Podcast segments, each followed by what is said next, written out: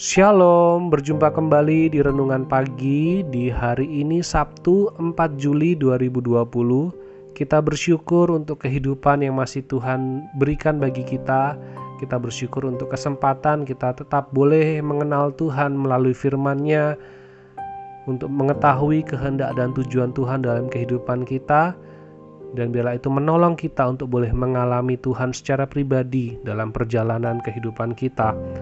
Mari bersama-sama kita perhatikan kitab Hosea pasal 8 ayat 7 hingga ayat yang ke-10. Sebab mereka menabur angin, maka mereka akan menuai puting beliung. Gandum yang belum menguning tidak ada pada mereka. Tumbuh-tumbuhan itu tidak menghasilkan tepung, dan jika memberi hasil, maka orang-orang lain menelannya. Israel sudah ditelan, sekarang mereka itu ada di antara bangsa-bangsa seperti barang yang tidak disukai orang, sebab mereka telah pergi ke Asyur bagaikan keledai hutan yang memencilkan diri. Efraim telah membagi-bagi hadiah cinta. Sekalipun mereka membagi-bagi hadiah itu di antara bangsa-bangsa, sekarang ini aku akan mengumpulkan mereka dan sebentar lagi mereka akan berhenti mengurapi raja dan para pemuka. Bagian yang kita baca ini menunjukkan gambaran lain tentang penghukuman Tuhan terhadap umat Israel. Tuhan menghukum Israel karena apa yang telah dilakukan di masa lampau. Itu akan membuat dampak-dampak di masa yang akan datang. Di masa lampau, Israel menabur angin, mereka melakukan usaha-usaha dalam kesia-siaan. Mereka melakukan penyembahan berhala, mereka berusaha giat dalam penyembahan berhala, hal yang sia-sia, dan itu akan membuat mereka menjalani kehidupan mereka tanpa Tuhan.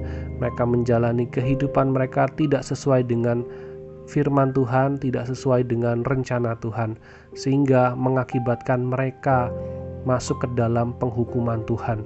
Mereka akan menuai puting beliung, mereka akan mendapatkan kondisi yang sulit, kondisi yang berat, kondisi yang menderita, karena itu adalah penghukuman Tuhan.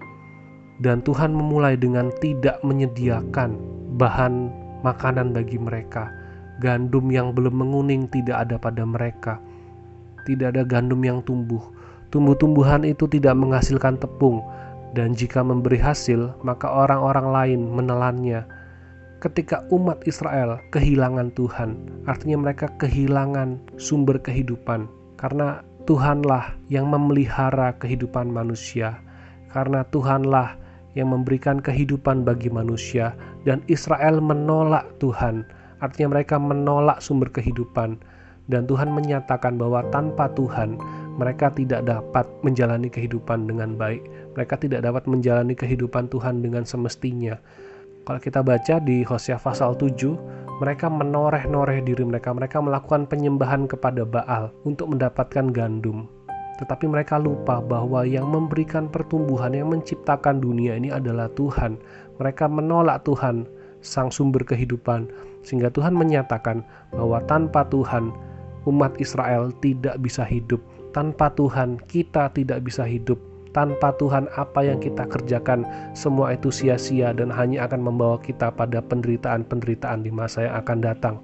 Dan bukan hanya kebutuhan mereka saja yang Tuhan hentikan, tetapi dikatakan ayat 8 Israel sudah ditelan.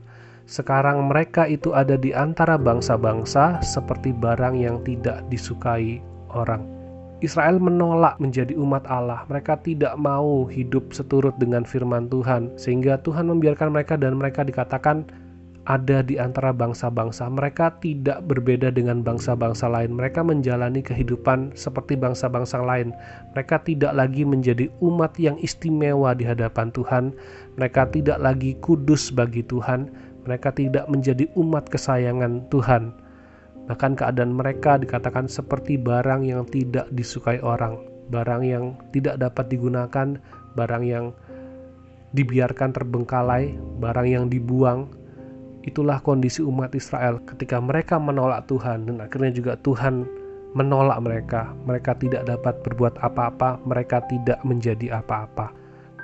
Mereka menolak Tuhan dengan pergi ke Asyur. Mereka menolak menjadi kesayangan Tuhan. Mereka memberontak seperti keledai liar. Mereka lari mencari pertolongan ke Asyur, mencari bantuan kepada bangsa-bangsa lain.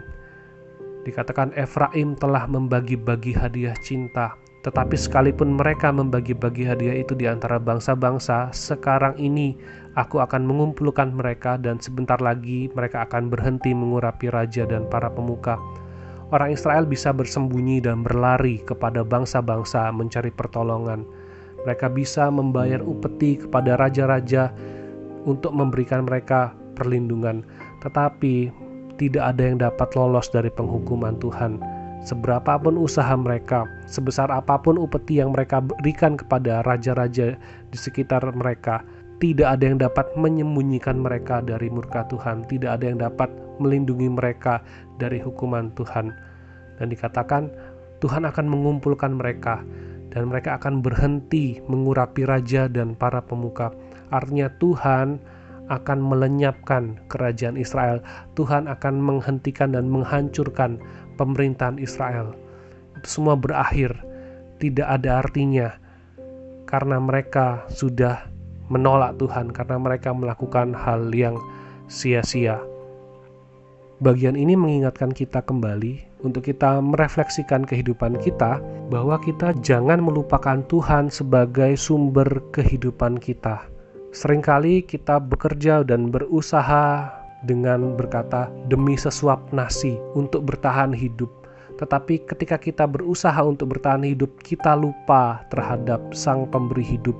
Kita mengejar kebutuhan-kebutuhan hidup, tetapi kita lupa kepada yang memberikan hidup. Itu adalah hal yang ironi, karena tanpa Tuhan kita tidak dapat menjalani kehidupan kita dengan baik ada banyak kebutuhan dalam kehidupan kita. Ada kebutuhan pokok, ada kebutuhan tambahan, ada kebutuhan yang lain.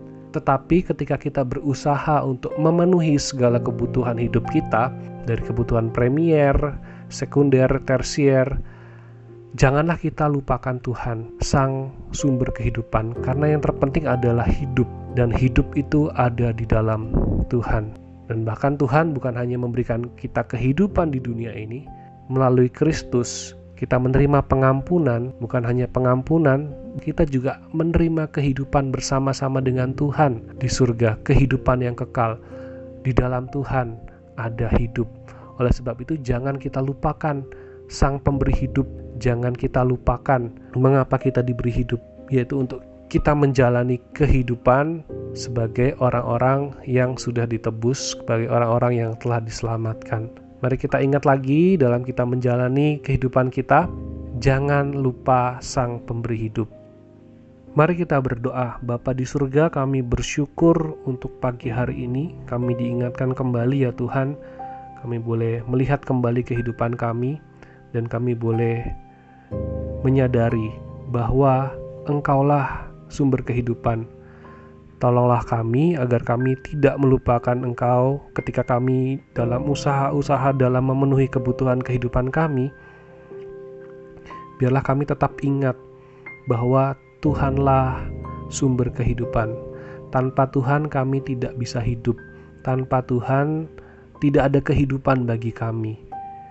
Dan biarlah senantiasa ya Tuhan kami yang telah ditebus, kami yang telah mendapatkan kepastian dan jaminan keselamatan di dalam Kristus, kami juga boleh menjalani kehidupan sebagai orang-orang yang sudah memiliki hidup, yang yakin bahwa kehidupan adalah di dalam pemeliharaan Tuhan.